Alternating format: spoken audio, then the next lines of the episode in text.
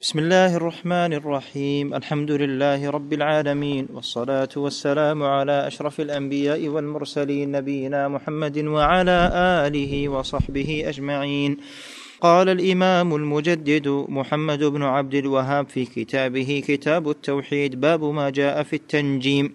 قال البخاري في صحيحه قال قتاده خلق الله هذه النجوم لثلاث زينة للسماء ورجوما للشياطين وعلامات يهتدى بها فمن تأول فيها غير ذلك أخطأ وأضاع نصيبه وتكلف ما لا علم له به انتهى. وكره قتادة تعلم منازل القمر ولم يرخص ابن عيينة فيه. ذكره حرب عنهما ورخص في تعلم المنازل أحمد وإسحاق. وعن أبي موسى قال قال رسول الله صلى الله عليه وسلم ثلاثة لا يدخلون الجنة مدمن الخمر ومصدق بالسحر وقاطع الرحم. رواه أحمد وابن حبان في صحيحه. بسم الله الرحمن الرحيم الحمد لله رب العالمين. صلى الله وسلم وبارك على نبينا محمد وعلى آله وأصحابه أجمعين. أما بعد هذا الباب في التنجيم. قول المؤلف رحمه الله تعالى باب ما جاء في التنجيم أي باب ما يذكر في هذا الباب من الأدلة على تحريم التنجيم وعلى أنه ينافي كمال التوحيد وقد ينافي التوحيد إذا اعتمد الإنسان عليه. لهذا قال البخاري رحمه الله في صحيحه قال قتادة خلق الله هذه النجوم لثلاث زينة للسماء. لا شك أن التنجيم هو الاستدلال بالأحوال الفلكية على الحوادث الأرضية. وهذه النجوم خلقها الله تعالى لثلاث كما ذكر قتادة زينة للسماء كما قال الله تعالى ولقد زينا السماء الدنيا بمصابيح ورجوما للشياطين. وكذلك علامات يهتدي بها المسافر. ولهذا قال تعالى وعلامات وبالنجم هم يهتدون. ورجوما للشياطين قال تعالى وجعلناها رجوما للشياطين. فمن تأول فيها غير ذلك أخطأ وأضاع نصيبه وتكلف ما لا علم له به. ولا شك أن النبي عليه الصلاة والسلام قد بين للناس ما ينفعهم ويعينهم ويقوي التوحيد في قلوبهم. ولهذا ثبت عن النبي عليه الصلاة والسلام في هذا الحديث حديث موسى قاله قوله عليه الصلاة والسلام ثلاثة لا يدخلون الجنة. وهذا فيه التحذير من أعمال هؤلاء الثلاثة. مدمن الخمر مدمن الخمر هو الذي يديم الخمر ويداوم على شربها ومصدق بالسحر مصدق بالسحر صدق بالسحر فيكون كافرا بالله تعالى. إذا صدق بأن هذا الساحر يعني آه، يعلم الغيب. أما مدمن الخمر إن لم يستحلها فهي كبيرة من كبائر الذنوب. يستحق بذلك جهنم كما بين النبي عليه الصلاة والسلام. وقاطع الرحم هذا فيه التحذير من قطيعة الرحم كذلك. وتمام الحديث ومن مات وهو مدمن الخمر سقاه الله من نهر الغوطة. قيل وما نهر الغوطة؟ قال نهر يجري من فروج المميسات يؤذي أهل النار ريح فروجهن. نسأل الله العفو والعافية. رواه أحمد وهو حديث حسن لغيره كما ذكر المحققون من أهل العلم. ولا شك أن التنجيم كما قال ابن رجب رحمه الله تعالى المأذون فيه من علم النجوم علم التسيير. لأن علم التنجيم يكون على نوعين علم التأثير وهو الاستدلال بالأحوال الفلكية على الحوادث الأرضية. هذا هو الذي ينافي كمال التوحيد. فإذا اعتمد قال بأنه يفعل فإنه يكون بذلك مشركا شركا أكبر. أما إذا قال بأنه من الأسباب فيكون بذلك من الشرك الأصغر. النوع الثاني علم التسيير.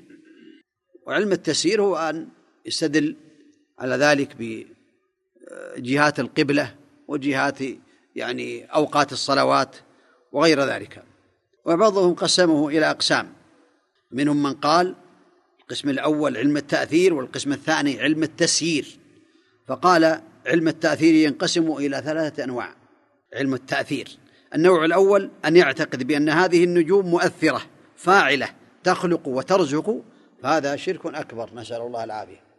نوع ثاني مثل هذا وهو أن يجعلها سببا يدعي به علم الغيب فيستدل بحركاتها على ما يحدث في الأرض وعلى علم الغيب فكذلك يكون شركا أكبر. النوع الثالث أن يعتقد بأنها جعلها الله تعالى سببا لحدوث الخير والشر. يقول هذه من الأسباب فهذا يكون من الشرك الأصغر.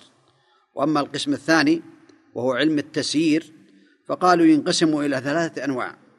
النوع الأول الاستدلال بها على المصالح الدينية كالقبلة وغيرها وأوقات الصلوات. والنوع الثاني استدلال بها على المصالح الدنيوية المباحة كأوقات الزراعة وأوقات البذور والثمار وغير ذلك من الأمور التي لا تنسب إلى هذه النجوم. النوع الثالث الاستدلال بها على حصول الفصول كالشتاء والصيف وغير ذلك. فهذه الأمور منهم من قسم هكذا ولكن الذي يجمع ذلك أن التنجيم ينقسم إلى قسمين علم التأثير وعلم التسيير. أما علم التأثير فهو مكروه وهو على نوعين شرك أكبر وشرك أصغر كما تقدم وعلم التسيير مأذون فيه مباح. وبالله التوفيق صلى الله وسلم وبارك على نبينا محمد وعلى آله وأصحابه أجمعين. نعم. قال الإمام ابن باز رحمنا الله وإياه في شرح باب ما جاء في التنجيم. قال رحمه الله لما كان التنجيم شائعا معمولا به ذكره المؤلف والتنجيم. مصدر نجم ينجم تنجيما أي حزر وحدث بما يعتقده في النجوم. والتنجيم هو الاستدلال بالأحوال الفلكية على الحوادث الأرضية. فينظرون في النجوم واجتماعها وافتراقها وطلوعها وغروبها وتقاربها وتباعدها ويستدلون بها على أنه يقع كذا. وهذا باطل من دعوى علم الغيب التي أبطلها الله بقوله قل لا يعلم من في السماوات والأرض الغيب إلا الله. أما النظر في النجوم من باب التسيير لمعرفة منازل القمر لتحديد أوقات الصلاة والمطر فلا بأس به كما هو رأي أحمد وإسحاق بن راهوية. قال البخاري في صحيحه عن قتادة قال خلق الله هذه النجوم لثلاث وقال تعالى ولقد زينا السماء الدنيا بمصابيح وجعلناها رجوما للشياطين وقوله وعلامات وبالنجم هم يهتدون قوله من تأول فيها غير ذلك أخطأ أي بأن زعم أنها تدل على كذا وكذا من علوم الغيب فقد أخطأ وأضاع نصيبه أي من الآخرة وتكلف ما لا يعلم. قوله علامات يهتدى بها هذا علم المنازل والتسيير. وكره قتادة تعلم منازل القمر ولم يرخص ابن عيينة فيه. وهذا قول مرجوح لهما ورخص فيه أحمد وإسحاق وهو الصواب. عن أبي موسى رضي الله عنه قال قال رسول الله صلى الله عليه وسلم ثلاثة لا يدخلون الجنة.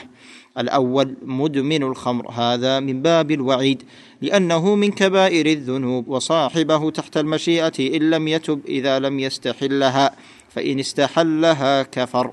الثاني قاطع الرحم كذلك من الكبائر. الثالث مصدق بالسحر أي إذا صدق أنه حق وأنه يغير الأشياء وأن صاحبه على حق وأنه مصيب أو أن صاحبه يعلم الغيب فهذا يكون كفرا وصاحبه كافر. أما إذا صدق بأنه موجود وأن له تأثير ولكن يعلم أنه حرام ومنكر فهذا لا حرج فيه لأن الله أخبر أنه موجود كما قال تعالى ويتعلمون ما يضرهم ولا ينفعهم انتهى نسأل الله لنا ولكم العلم النافع والعمل الصالح والتوفيق لما يحبه ويرضاه. صلى الله وسلم وبارك على نبينا